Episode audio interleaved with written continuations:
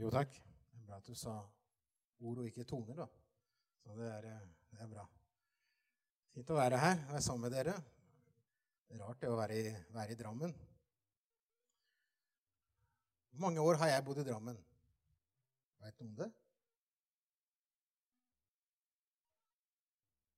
Tre år. Av hele mitt liv har jeg bodd her i tre år. Det er ikke så lenge.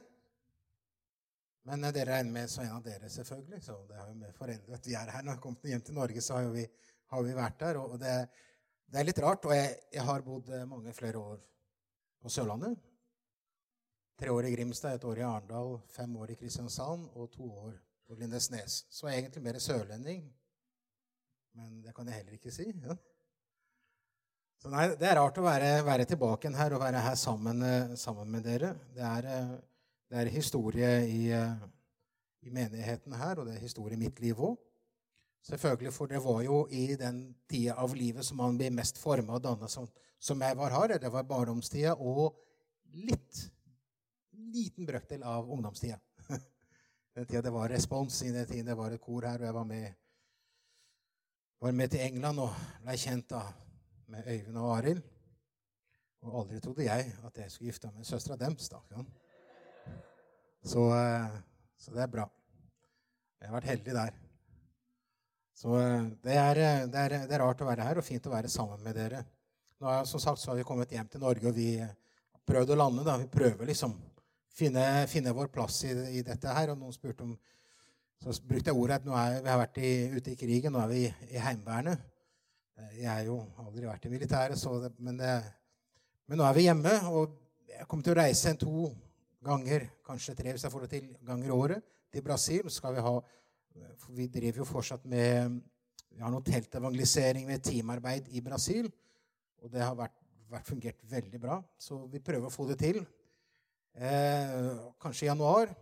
Håper det. Det står, faller frem og tilbake på noe greier her. Men i januar, og, og, og spesielt i juli neste år, da, så reiser jeg da til Brasil og blir der en to-tre uker være med på å hjelpe menigheter som har det vanskelig, også menighetsplanting med team fra Brasil. Så kunne kanskje at jeg får til et team fra Norge som være med andre brasilianere i dette her. Da.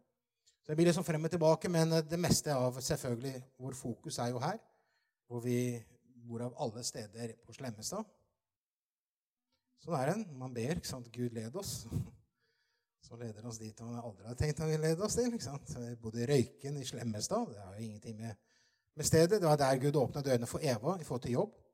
Det er der som vi er nå, i hvert fall dette, dette året. Og så kommer jeg da til å reise. Derfor kommer dere å se mye mer av Eva og David og mindre av meg. Og det er ikke fordi jeg er hjemmeværende, ikke være med på møter, men det er fordi jeg kommer til å reise det meste. Og det blir ikke selvfølgelig så greit å ha med Eva og David rundt hele landet på, på den måten der.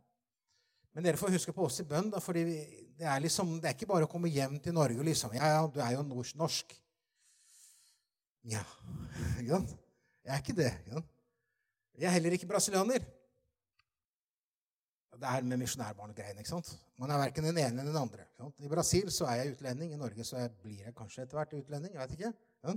Man er, man er, man er, jeg er norsk-brasilianer, så jeg er litt brasilianer og litt norsk. Så for meg er det like greit å si Brasil som hjemland enn det å si Norge.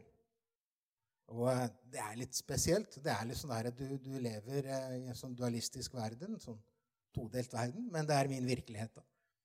Og Det er det å prøve å få i dette. og Herre, hva vil du ved min tjeneste? Hva vil du at vi skal være med i Norge? Så det er, eh, det er en utfordring. Og for meg er det en, er det en, en følelsesmessig og, og, tankemessig veldig stor utfordring. Ikke fordi jeg ikke liker å være her og liker dere, men men det har med dette med at, at før man på en måte går inn i noe fast og på en måte går inn helt, så må man på en måte være, kjenne at OK, nå, nå er jeg der. Nå, dette, dette, ønsker jeg. Dette kjennes som utfordring som Herren vil. For det er det viktige. Og det har ikke bare med tjeneste, men med, med våre liv å gjøre. At vi får lov til å kjenne at OK, jeg ønsker å være med på det Gud gjør, og det Gud vil med mitt liv. Og for å forkorte veldig den delen her, for det er ikke talen. Eh, så har jo dere denne måneden her eh, som tema om du har fått opp, det dere ikke? Den hellige ånd.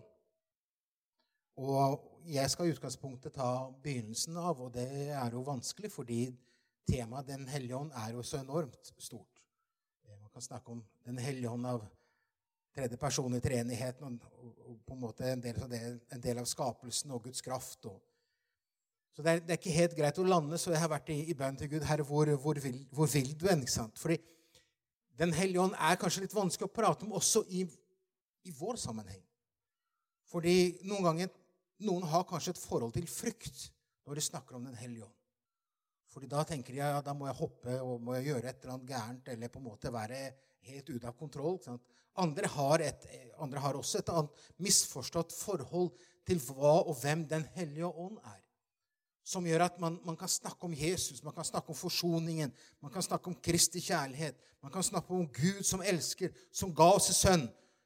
Og så har vi da Den hellige ånd, da, Så hvor plasserer vi han i alt dette her? Jo, han, han er med og utruster. Og, Men han er jo den, den tredje personen i treenigheten. Han er Guds ånd. Og det er vanskelig, og det er vanskelig, men det er viktig at vi forstår hvem han er, selvfølgelig, og hvem han er for oss. Og dette er ikke en bibeltime. Jeg skal ikke ta det. Men jeg ville bare sette det som fokus. Den hellige ånd er, er noe fantastisk som Gud på en måte gir oss adgang til i våre liv gjennom Jesus Kristus.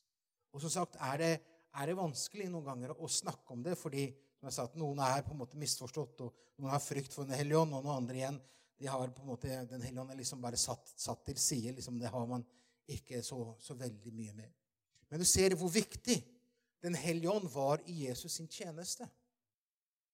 For du ser at Etter at Jesus ble døpt av Johannes døperen, så står det, så ble han ledet av Ånden til ørkenen.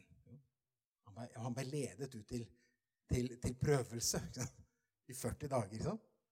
Og når han hadde vært der så Det står i Lukas kapittel 3 og kapittel 4. da, Når han hadde vært der i, og, og, og blir prøvet og, og, gått i fristelsen, eller blir fristet av djevelen Så når han kommer tilbake, så står det 'fylt av Den hellige ånd'. Så går han hvor hen? Han går eh, hjem til Nasaret. Der alle sier ja, det er sønnen til han, eh, han snekkeren. det. Josef han er ikke her, men mora er her. Maria er her. og er siste brødrene og søstrene til, til Jesus. Han, dit reiste han, men fylt av Den hellige ånd. Jesus selv. Du ser hvor viktig Den hellige ånden var i Jesu liv og Jesu tjeneste. Ikke fordi det er noe forskjell den ene i den andre, men det er at Guds ånd er jo selvfølgelig i han og drev han. Derfor er det viktig at vi forstår at hvor viktig er Den hellige ånd for deg og meg som, som troende i våre liv, i vår frelse, og hva Gud har for oss. Og derfor skal jeg, jeg skal, kjente jeg på at ok, jeg skal ta ut, utgangspunktet i en tekst, og ikke pinsefestens dager. Det var det jeg tenkte. Men ta litt før det. Det er 50 dager før, cirka. Eh, og det er Johannes 16. Johannes 14 taler også om, eh, om Den hellige ånd, talsmannen. Men Johannes kapittel 16 det hele det kapittelet og kapittelet før og, og, tre kapitlene der, det handler om da Jesus er der samlet på og har dette nattverdsmåltidet. ikke sant? Den kvelden, den torsdagskvelden like før Jesus ble forrådt, så har han en kjempestor tale. Og der har han den talen med sine disipler i Johannes kapittel 16 og forteller dem Jeg har veldig dårlig nyhet, og jeg har veldig god nyhet. Der, ja, Den dårlige nyheten først, da. Jeg skal forlate dere. Jeg skal dø. Jeg skal gå bort. Eh, og den gode nyheten jeg skal ikke etterlate dere farløse. Jeg skal sende dere, jeg skal gi dere talsmann, Den hellige ånd. Så jeg skal lese noen vers her fra Johannes kapittel, kapittel 16. Fra og med fra og med vers 4 til og med vers 15 for å ta det i sin sammenheng. I, eh, der det står slik Men eh, dette har jeg talt til står det, Johannes kapittel 16 og vers 4. Men dette har jeg talt til dere for at av dere, når timen kommer, skal minnes det jeg sa dere. Altså dette at han kommer til å dø, og også det at de skal bli forfulgt. ikke sant? Men dette sa jeg dere ikke fra begynnelsen av, fordi da var jeg hos dere. Dette med forfølgelsen, dette at han skulle dø, at de skulle bli kasta ut av synagoger, det var faktisk bare en liten parentes. Ikke lenge etterpå at menigheten ble dannet og vekkelsen skjedde i Jerusalem i Judea, så kom det etter hvert en sånn en, en, en, eh, liturgi inn i synagogene blant, blant, jødene. Der de skulle på en måte luke ut sånne jødekristne som fulgte nasareerne, for å få dem ut for at de skulle kaste dem ut av sine synagoger, så ikke du skulle være en del av synagogen. Så når Jesus sier dette at jeg, ikke, jeg sa ikke dette fra eh, Dette sa jeg dere ikke fra begynnelsen av, fordi jeg var hos dere. Når jeg da, eller når Nå går jeg bort til Han som har sendt meg, og ingen av dere spør meg, hvor går du hen? Men fordi jeg har sagt dette, har sorg fylt deres hjerter. Men jeg sier dere sannheten. Det er til gagn for dere at jeg går bort. For dersom jeg ikke går bort, kommer ikke talsmannen til dere. Men går jeg bort, da skal jeg sende ham til dere. Og når han kommer, skal han overvise verden om synd, om rettferdighet, om dom. Om synd fordi ikke jeg tror på meg, om rettferdighet fordi jeg går til Faderen, og dere ser meg ikke lenger. Om dom fordi denne verdens fyrste er dømt. Ennå har jeg mye å si dere, men dere kan ikke bære det nå.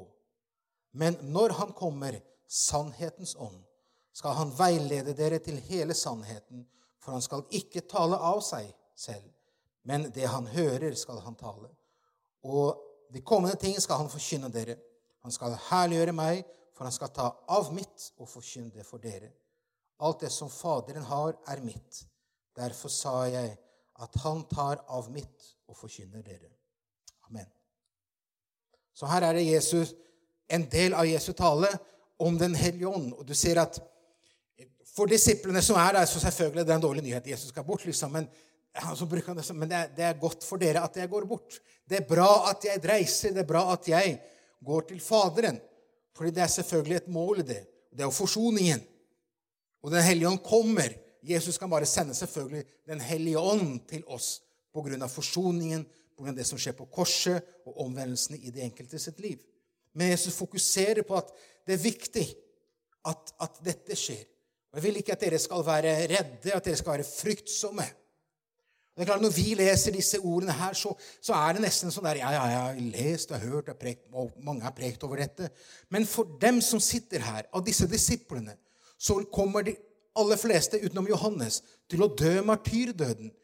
De vil dø på sin tro på Jesus Kristus. Og de vil ikke dø i fengselet, men de vil dø i martyrdøden på forskjellige måter. Tradisjonen forteller bare Johannes døperen, eller Johannes disippelen, mener jeg, som levde, eller døde en naturlig død i alder.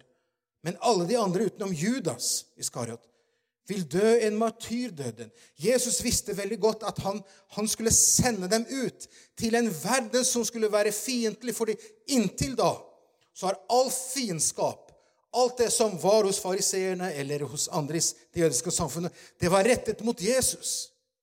Men det øyeblikket Jesus er borte, da vil fokuset brette seg mot disiplene til Jesus. Og Det er det Jesus prøver å styrke deres hjerte og si at 'Jeg har ikke sagt dette her før, for jeg, jeg har vært hos dere.' Men nå skal jeg gå bort, og dere skal få talsmannen, skal få Den hellige ånd, dere skal få den kraft som som det står i Apostels gjerning kapittel 1, liksom, vers 6 og vers 8. Eller vers 5, 6 og 8. Og den viktigheten av Den hellige ånd som skal være i livene, så de skal få lov til å bære et vitnesbyrd i en verden som ikke vil forstå dem. Og det er det som er litt vanskelig for oss i vår begynner, begynner kanskje å bli vanskelig, ikke så vanskelig lenger, men, men har vært vanskelig for oss kanskje å sette oss inn i hvordan det er å være en kristen og ikke akseptert av samfunnet eller mennesker. Men det Jesus sier til dem. Og det er faktisk det som vi på en måte kommer til å gå tilbake mer og mer i dette samfunnet som vi lever. At det å være en kristen, det at du tror at Jesus døde for dine synder, det at du tror at Jesus sto opp igjen ifra det døde, det vil etter hvert mindre og mindre akseptert også i kristen sammenheng. For det er den derre forsoningslære er i dag i full angrep innenfor liberalteologien. Fokuset er Gud er kjærlighet. Forferdelig å tenke at Gud er synd. At Gud skulle drepe sin egen sønn, det er barnemishandling. Det var en av teologene som sa det på 50-tallet, og det har blitt veldig mye av det. Så forsoningen, det Jesus dør på korset, det, det, det blir etter hvert vanskeligere og vanskelig å være en kristen. Derfor kan man ikke være en kristen basert på at alle liker og alle syns det er greit. Men basert på noe som kommer innenfra. Og det er det Jesus prøver å plante i tankene og hjertene til sine disipler. At jeg vil gi dere talsmannen Den hellige ånd. Og for å forkorte hele denne teksten her, som vi ikke skal ta alt på, så har Den hellige ånd to hovedoppgaver. Jeg delte opp i to, for det er veldig greit å få til teksten. Ja. Den ene oppgaven har noe med verden å gjøre, og den andre oppgaven har noe med oss å gjøre. Vi kjenner ofte veldig godt til hva Den hellige ånd Ikke veldig godt, men vi kjenner godt til hva Den hellige ånd skal gjøre i våre liv. For til, til gaver og tjenester og styrke og kraft og åndsfylde eller åndsdåp eller hva det enn er. Og vi har liksom hørt om dette, spesielt hvis du kommer fra pinse, frie, karismatisk sammenheng. Men hva Den hellige ånd skal gjøre i verden, den, den er vi liksom der Ja, ja, han skal overvise, ikke sant? Han skal liksom gjøre noe der. Men, men det viktige for oss har vært dette her med hva han skal gjøre i oss. Så Derfor skal jeg ha delt den teksten i to. Bare si det første som Den hellige ånd, altså hovedoppgave, er det hva han skal gjøre i verden. Det ser du fra vers 8 til og med vers 10. Der står det, skal jeg lese igjen, det står det, Og når han kommer, skal han overbevise verdenen om synd og rettferdighet om dom. Om synd fordi de ikke tror på meg. Om rettferdighet fordi jeg går til Faderen, og dere ser meg ikke lenger. Om dom fordi denne verdens fyrste er dømt. Han skal overbevise om synd. Ja, trenger man det, da? Vet ikke folk at når du gjør noe gærent, at det er gærent, da? Vet ikke folk når noe At det å stjele er feil å gjøre, eller det å snakke stygt om noen er feil å gjøre, eller det å på en måte være utro for den saks skyld er feil? Hvorfor sier Jesus akkurat om dette om, om synd? Og så står det veldig interessant. Det står her at det står om ordet synd i entall. Det står ikke overbevist om synder. Det står overbevist om synd. Og Da snakker Jesus om en konkret synd. Og her er det litt spesielt for de fleste. Og hvilken synd er det, da? Mangel på tro på Jesus Kristus. Det står her. ikke sant? Synd. Hvilken synd da? Fordi de ikke tror på meg det er noe som mange vil beregne som at det er ikke synd å ikke tro. Mange vet nei, Det å ikke tro er jo nesten som en, eh, altså et statussymbol i dette samfunnet noen ganger. Liksom, jo mer ateist du er, jo mer står du på dine egne bein, og du er intellektuell, og du er, du er på en måte i, i, din visdom, og på en måte du står der eh, uansvarlig, eller med det eget ansvar for ditt eget liv og trenger ikke å ha noe noe støtte i en tro på, på et eller annet greie. Ikke sant? Vi lever i et, i et, samfunn som ser på det med tro på som noe svakt. Så det er snakk om å overbevise Den hellige ånd, overbevise om synd, fordi de ikke tror på meg. For hvem er meg? Hvem er Jesus? Han er frelseren. Det er han som dør for oss og for oss alle. Det å ikke tro handler om å si nei til Jesus. Det å ikke tro handler om å nekte å stole på Jesus. Det å ikke tro på Jesus handler om egentlig det største på en måte opprørshandlingen som mennesket gjør. Opprør mot Gud. Og Jeg vet at tro selvfølgelig er et vanskelig ord i seg selv, fordi troen har vi ikke i oss selv, mennesket. Vi tror på oss sjøl. Vi tror på det vi vil. Vi tror på vår kollektive greier. Vi tror på vårt samfunnsstruktur. Vi tror på det vi ønsker. Men troen på Gud, det må Gud gjøre noe i våre hjerter med. Til og med troen må Gud plante i våre hjerter. Det er litt, det er litt rart, det der. At vi tror at ja, hvis, hvis, det skjer masse under og tegn i Norge, så, så vil mange tro på Jesus. Kanskje. Kanskje ikke. Nå skjedde det mange under og tegn når Jesus gikk her. Og jeg syns noe av det mest spesielle, for å bruke et rart ord, det er Johannes 11, der Jesus vekker opp en mann som har vært død i fire dager. Og hva er det som skjer? Når de fariseerne og lederne får høre om det som har skjedd, så sier vi må få stoppa denne mannen. Vi må få ta livet av denne mannen. Når en som har vært død i fire dager, så lukter det stinker. så Hvorfor fikk ikke de tro i sine hjerter på at det var noe guddommelig, at dette var fra Gud? Fordi vi mennesker, på grunn av syndens konsekvens, snakker om mennesket generelt, på grunn av syndens konsekvens, så er vi døde. Vi er lever i mørket. Vi forstår ingenting og så har noe med Gud å gjøre. Det er menneskets situasjon. Det er den vanlige norske manns situasjon. Hvis ikke Gud åpenbarer ved sin ånd, så forstå vi kan ikke argumentere med noen til Jesus. Du kan prøve å diskutere med noen. Jeg hørte Når jeg gikk, når jeg gikk på Ansgar, så hørte jeg en av, en av lærerne snakke om en professor i teologi fra Tyskland. og Det er ikke ofte noe positivt som kommer derifra. Men når det gjelder teologi da. Men så var det en professor som satt på et tog. Han skulle til et eller annet sted i Tyskland. og Der satt han, og da kom det inn en ung student som var veldig ivrig eh, og begynte da å debattere med, med denne eldre mannen som satt der. Han, bekjent, han, sa ikke hva han var, og hva han hadde gjort, eller hva han var troende. Men den unge ikke sant, teologistudenten var der og skulle på en måte overbevise om at Gud eksisterte. ikke sant? Og denne professoren han bare hadde alles, alle de forferdelige spørsmålene. og det, Han satt der vet du, over en time. Og etter at han, denne studenten var helt frustrert, var helt oppgitt, for han hadde ikke flere argumenter, han, han visste ikke om hvordan han skulle snakke med denne eldre mannen, og han nærmer seg da endestasjonen til han, eh, denne professoren, så sier han at nå vil jeg bekjenne deg noe. Jeg er professor i teologi ved et eller annet universitet og et eller annet greier. Grunnen til at jeg har diskutert med deg helt, helt til nå, er bare nysgjerrig. Men jeg vil si deg ett ting, og det må du huske for resten av ditt tjeneste og liv. Det er ikke viktig dine argumenter, for det bygger på teorier og teologier. Det som er viktig, er vitnesbyrd. Du skal fortelle meg hva Jesus betyr for deg.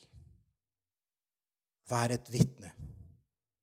Du skal ikke overvise verden om synd, rettferdighet og dom. For det kan du ikke. Du kan få lov til å være et redskap som Gud bruker til å overvise verden om synd, rettferdighet og dom. Og det er liksom det der med at å forstå vår å forstå Den hellige ånds sitt arbeid i samfunnet. Det er klart Noen ganger så blir vi frustrert, for vi vil gjerne se at mange, mange flere mennesker blir frelst. Men det, det her er det viktig også å forstå at, at Den hellige ånd er der. Og den er der oss til hjelp. Og Jesus bruker et ordet her, talsmann. og det er viktig, for det, det Ordet talsmann eh, er det alle norske oversettelser som jeg har sett etter, bruker da ordet, ordet talsmann som en oversettelse. Men, men han kunne, kunne brukt ord som veileder, trøster og hjelper, som det er også brukt i annen sammenheng. Men det er det samme ordet. Og det ordet for talsmann det er et ord eh, som grekerne brukte som et begrep på en, en, venn som hjelper deg. Det er et begrep som romerne brukte på en medsoldat. For de sendte aldri, aldri en soldat alene. De sendte alltid to og to, så de ikke skulle være alene. Så de skulle stå sammen i kampen. Så det er det samme ordet da, som Jesus bruker på Den hellige ånd. Han skal være din venn. Han skal være den som står sammen med deg og kjemper i Guds rike. ikke sant? Så Vi blir ikke sendt alene. Så det er viktig å forstå dette. Den delen at Den hellige ånds oppgave er å, er å overbevise. Og det, og det, er det som skjer når du ser med pinsefestens dag. Når Peter står opp og så forkynner i Apostelgjerninger 2. Og så i, på avslutningen av, av prekenen hans så sier, så sier Peter da disse, disse følgende, følgende, ord til dem som hører på dette i Jerusalem. Vers 36, kapittel 2. Så skal da hele Israels folk vite for visst at Gud har gjort ham både til Herre og til Messias, denne Jesus som dere korsfestet. Hva var resultatet? Det resultatet Der ser du Den hellige ånds inngrepen. Overbevise. For det står her i vers etterpå, så står det Men da de hørte dette, stakk det dem i hjertet, og de sa til Peter og de andre apostlene, Hva skal vi gjøre, brødre? Forsto de ikke dette før, da?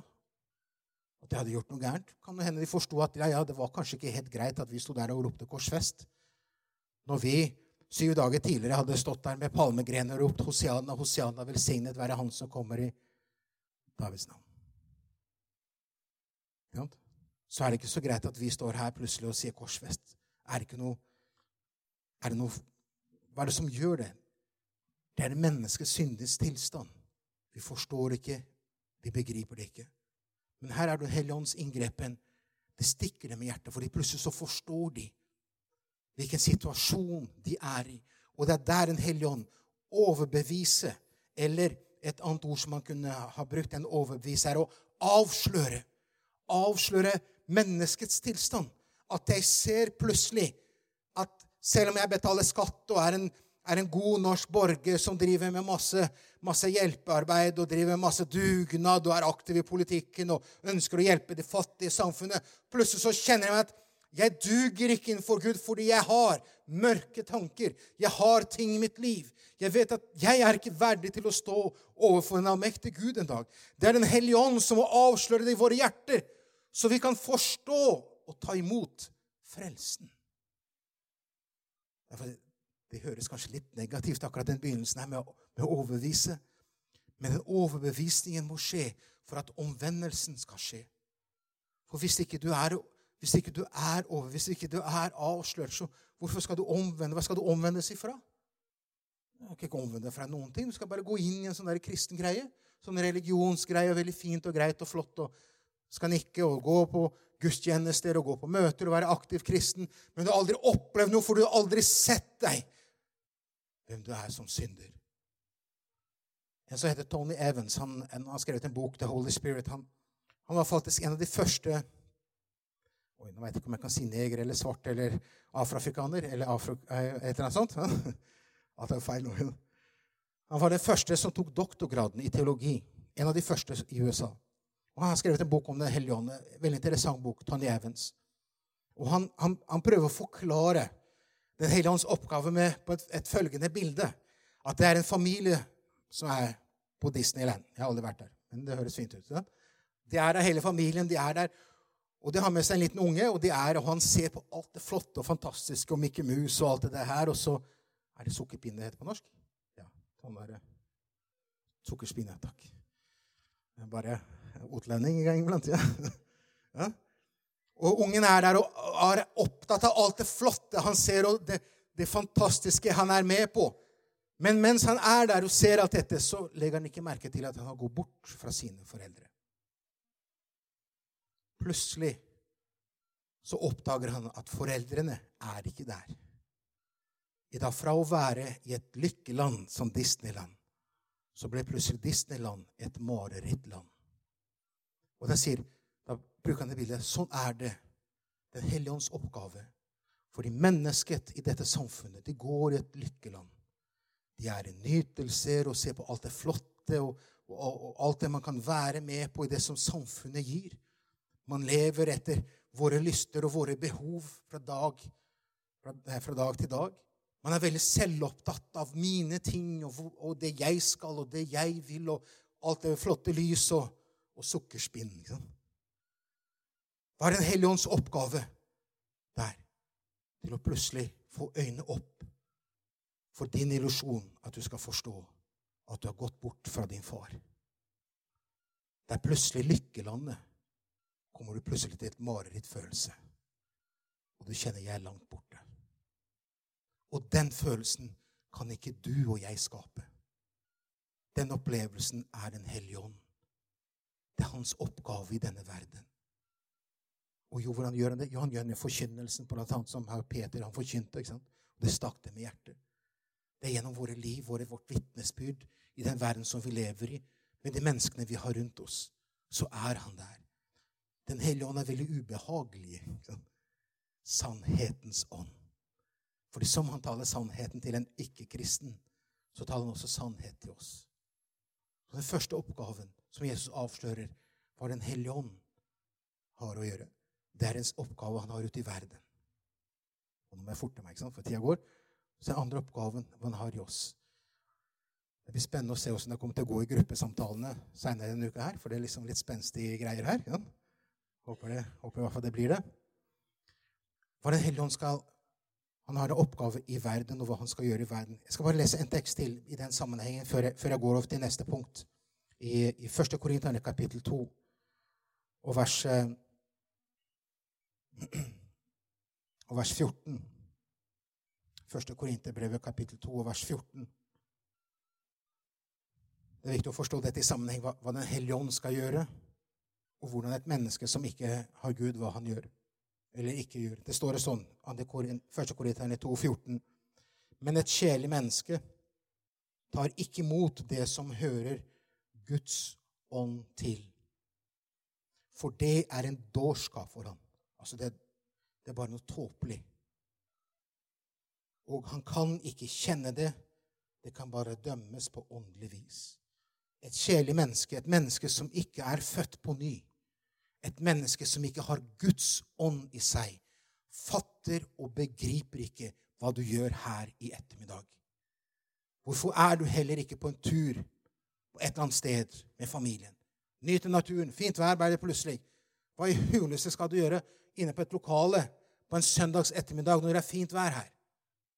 Et, et kjedelig menneske forstår ikke hvorfor er du villig til å ofre så mye tid i et fellesskap som kanskje noen ganger ikke verdsetter så godt som du skulle ønske har gjort ditt liv og din tjeneste, eller et fellesskap som noen ganger glemmer deg, eller et fellesskap som krever mye av deg. Hvorfor, hvorfor bruker du så mye tid igjen i et fellesskap? Det kjæle forstår ikke dette. Det forstår ikke hvorfor er du ikke med bare i livets lyster og alt det som er. Hvorfor skal du ha regler for ditt liv? Lev som du vil. Og le, dø som du vil. Du behøver ikke være, leve disse reglene, det du skal og det du ikke skal, det du bør og det du ikke bør. Verden forstår ikke noe av det fordi de ikke har Guds ånd. Paulus sier det. Et kjellemenneske har ikke så Så vi må kanskje stoppe litt på den der, der og tro og håpe på at mennesker vil forstå oss. De vil ikke det. De, kan, vi bør forbedre språket vårt, så vi snakker norsk, selvfølgelig, og bruke et ordforråd så folk forstår hva vi snakker om. Men vi kan ikke forvente at folk skal tro oss og tro på vårt budskap bare ved at vi pynter på ting. Fordi det er en dårskap for den som går fortapt. Derfor er Den hellige ånd der. Derfor må ordet, Guds ord, må bli sådd. For troen kommer av forkynnelsen, forkynnelsen av Guds ord. Sant? Det ble en, et langt første punkt, så her skal gå litt fortere, det siste punktet, for nå, nå går tida fra her. ikke sant? Beklager at jeg sier det, for da blir dere mer opptatt av tiden. og det er jo verre, ikke sant? Men det siste punktet her, det Jesus sier, at, at talsmannen Og Jesus bruker også noe, han bruker et interessant bilde om, om, om dette med talsmannen og dette hvor viktig det er at han kommer til gang for, for dem, at han går bort. Han sier her vers 12 f.eks.: Ennå har jeg mye å si dere, men dere kan ikke bære det ennå. Dere kan ikke, dere kan ikke forstå det enda. Dere må først bli fylt av Den hellige ånd. Den hellige ånd må først åpenbare ikke sant? Åpenbare Guds ord. Vi kan lese den, denne boka her. Men det er Guds ord. Gud har talt, og det er liv i den.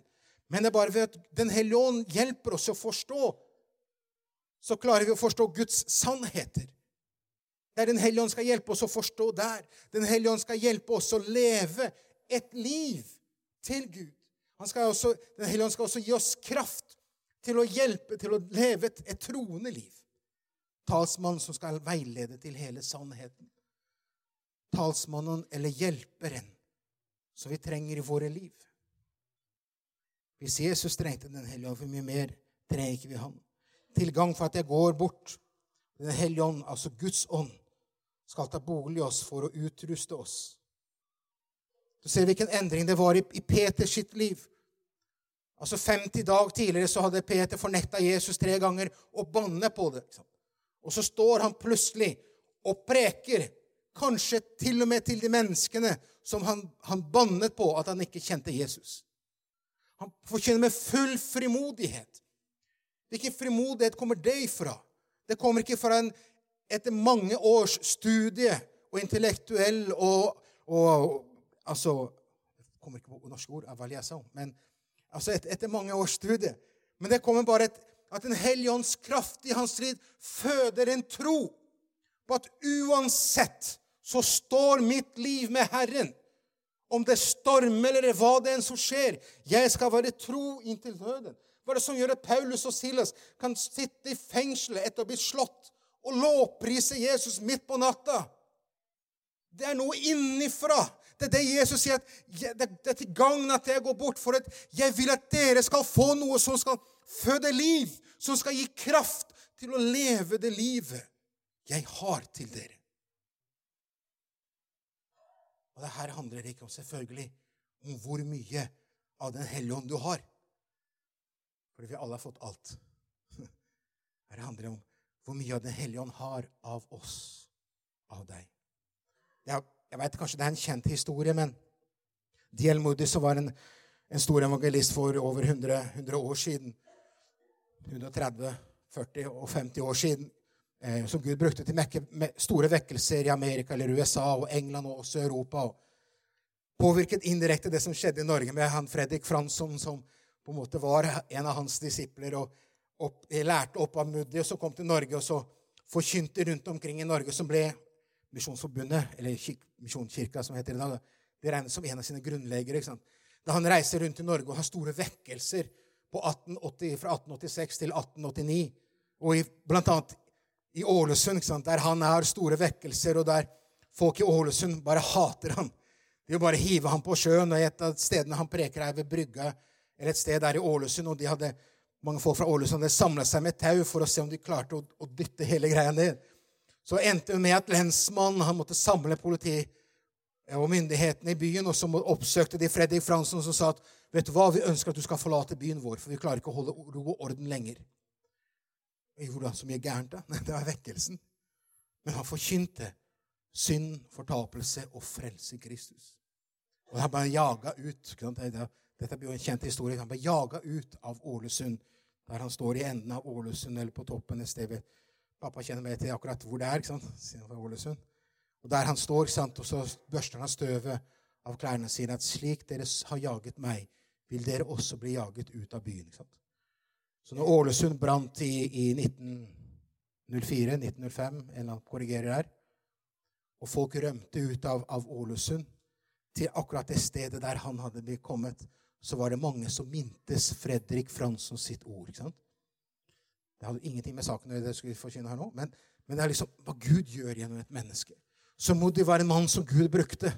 Og så, og så sier da eh, var, det, var, det, eh, eh, var, et sted et eller annet sted som skulle innkalle Modi til å være med på en sånn vekkelseskampanje eller sånn evangeliseringskampanje i en by. Og Det er veldig diskusjoner på dette. Og så er det da en ung pastor som reiser opp og sier Hvorfor skal vi invitere Modi? Har han enerett på Den hellige ånd? Ikke sant? Og så ble alle liksom litt stille i den debatten av disse lederne. Og så er det da fortelles da at det er en eldre predikant eller pastor som reiser seg opp og sier ja, det er helt riktig. Modi har ikke enerett på Den hellige ånd, men Den hellige ånd har enerett på Modi. Den hellige ånd er det som gjør forskjell på Modis tjeneste. Som snakka dårlig engelsk, veldig dårlig grammatikk, men som talte til fattige, til fanger i London, fengselshuset i London, og samme kveld sto han foran dronning Victoria i England og forkynte det samme evangeliet. En mann som begynte sin tjeneste som barnearbeider, barneevangelist, i Chicago. Der han var med lede over 1000 barn til søndagsskole og til frelse. Og Gud kalte ham til en større tjeneste. Det handler ikke om oss. Det handler om Gud og hva Gud kan gjøre i våre liv. Og Det er ikke spørsmål om hvor mye av Den hellige ånd du har. Men det spørs om hvor mye av Den hellige ånd har av deg og av meg. Av mine lemmer, av mitt liv. Av mine planer, av mine ideer, av mine tanker. Det at vi som troende kan være såpass ydmyke og si, 'Jesus, jeg får det ikke til.' 'Jesus, jeg trenger din kraft for at jeg kan leve ut det livet som du ønsker at jeg skal leve.' Jesus, jeg kjenner jeg kjenner at jeg er selvopptatt. Jesus, jeg kjenner at jeg er stolt. Jesus, jeg, jeg kjenner at jeg er bundet av kanskje sår og ting fra min fortid. Eller bundet av synd som har kommet i mitt liv. Men Jesus, fri meg. Når Paulus snakker om Den hellige ånd til menigheten i Efesus, så sier han ikke eller ta, dere, ta på dere Den hellige ånd, men han sier bli fylt av Ånden. La ikke dere drikke fulle av vin, men bli fylt av Ånden. Også det som kommer etterpå, er så dere taler. Konsekvensen er lovprisning, lovsang. Det som kommer ut av vårt munn, er en takksigelse til Gud. Og hvordan kan jeg bli fylt av Guds ånd? Eller hvordan kan Den hellige ånd ta mer plass i mitt liv? Og som en siste, siste del av det så kan jeg bare illustrere. Kanskje jeg har gjort det en gang før her. Jeg vet ikke. Men hvis du tenker at, at du, er, du, er, som en kopp her, fullt av vann sant? Og det vannet her representerer alt som har med meg å gjøre. Jeg, jeg. Det er mitt liv, det er hva jeg vil, det er hva jeg ønsker, det er den musikken, den, den, den stilen, eller, eller, hva jeg vil at møtet skal gi meg, eller hva jeg vil at andre kristne skal gi meg, eller hva jeg vil at menigheten skal gi meg, eller hva jeg vil at samfunnet Det er meg, meg. Hva jeg ønsker, hva jeg tenker, hva jeg planlegger. Det er ikke plass til Den hellige ånd i livet. Det er ikke plass til mer vann. Det er fullt av jeg. Det er fullt av meg. Og det da, hvordan kan jeg bli fylt av Den hellige ånd? Kanskje et bilde på det at kanskje vi må tømme av oss selv. Hvordan tømme oss av oss selv? Det er å bekjenne. Si, 'Herre, jeg har vært opptatt av meg selv.' Herre, det handler om meg. Det handler om hva jeg vil, hva jeg ønsker, hva jeg tenker. Og handler mindre om deg. Jesus, hva du vil, hva du ønsker. Eller at Jesus, jeg trenger deg. Om du er her nå i ettermiddag og kjenner det, at det ligger sånn i ditt hjerte jeg, trenger mer av deg i mitt liv. For jeg syns det er vanskelig å være kristen. Jeg syns det er vanskelig å ha flagget til topps i et samfunn som blir vanskeligere og vanskeligere. Herre, jeg syns det er vanskelig å vitne. Herre, jeg syns det er vanskelig å komme på møte og være brennende fordi det er så mye som taler imot. Fordi det er det ene og det andre. Så skjedde det denne uka, og så skjedde det det andre med det andre. og så Herre, jeg bærer så mye med meg av meg selv og alt det andre. Herre, jeg trengs å bli tømt av meg selv. Må jeg avta, og du blir stor i mitt liv. Kanskje du kjenner at du trenger å tømme ditt liv. Hvordan tømmer du det? Det er å snakke sant om livet. Være ærlig hvordan livet ditt er, og hvordan, hva du kjenner. Kanskje det kan være med å tenne en gnist og kjenne at ja, Herre, du har lovt oss at vi skal bli fylt av Ånden. Ikke nok med det. At når vi kommer til tro på deg, så skal vårt liv være som et kilde av levende vann. Det skal være noe levende. Herre, mitt liv er ikke levende. Herre, mitt liv er, er, dødt. Herre, mitt liv er et mas. Mitt liv er et krav. Jeg må holde møter, jeg må holde ting, jeg må gjøre det, jeg må være med på det. jeg må gjøre Alt dette kravet å være kristen. Herre, jeg prøver så godt jeg kan, men jeg orker ikke, Herre. Det er så tungt, det er så vanskelig det er å snakke sant om livet. Herre, jeg trenger at du fyller. Så Herre, mitt liv ikke blir et resultat av hva jeg får til. Men det blir et resultat av din ånd som fyller mitt hjerte. Som gjør at jeg kan komme i fellesskapet og prise Gud og ære Hans navn. Så fordi Han fyller mitt hjerte av takknemlighet, av lovprisning. Det er det Jesus sier til sine disipler, talsmannen. Og det er det Jesus sier til oss av Den hellige ånd som han har gitt deg og meg. Herre, vi takker og priser deg for at du er levende. Vi takker deg, Jesus, for at du er den allmektige, Herre. Vi takker og priser deg for du har gitt oss alt, Herre Jesus. Herre, vi takker deg for at du har gitt oss Den hellige ånd, Herre, som skal være kraft i våre liv. Herre, jeg takker deg for, for alt det du har gitt oss ved ånden, Herre. Men Herre, tilgi oss, Herre, fordi fordi noen ganger så er vi så ulydige og så opptatt av vårt eget liv, vår egen karriere, våre egne lån, våre egne avbetalinger, våre egne ting, Herre. Herre, vi er så opptatt av alle de lys og alt det flotte som samfunnet viser, at vi, ikke, at vi glemmer, Herre, at, at, alt dette er en illusjon, Herre. Herre, vi er satt i denne verden for å være med å lyse, Herre. Du er frelseren, Herre. Du er mesteren, Herre.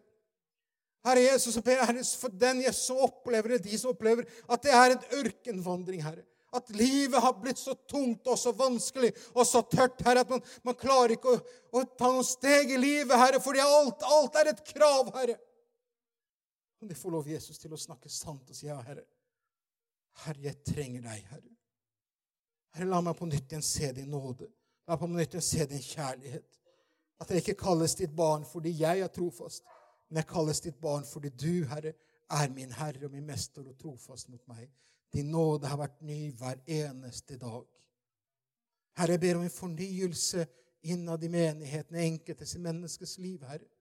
At familiekirken, Herre Jesus, som har en lang historie over alt det du har gjort i denne menigheten gjennom 100 år, Herre, kan få lov til å kjenne, Herre, du blir ikke gammel, og Den hellige ånd er ikke gammel, Herre. Men du ønsker, Herre, å skape noe friskt i vårt enkelt liv, Herre. Slik at som fellesskapet så kan vi plutselig sette hverandre i brann, Herre, for deg, Jesus. Herre, må du få lov til å fornye, Herre. Må du få lov, Jesus, til å bryte bindinger og bånd, Herre. Du får lov til å vise oss du har skapt oss inn til et fantastisk nytt liv, Herre. Hjelp oss dermed. Kom du, Hellige Ånd, og åpenbar du hvor avhengig vi er av deg i våre liv. Vi priser deg og ærer deg, Jesus. Amen, Jesus. Halleluja.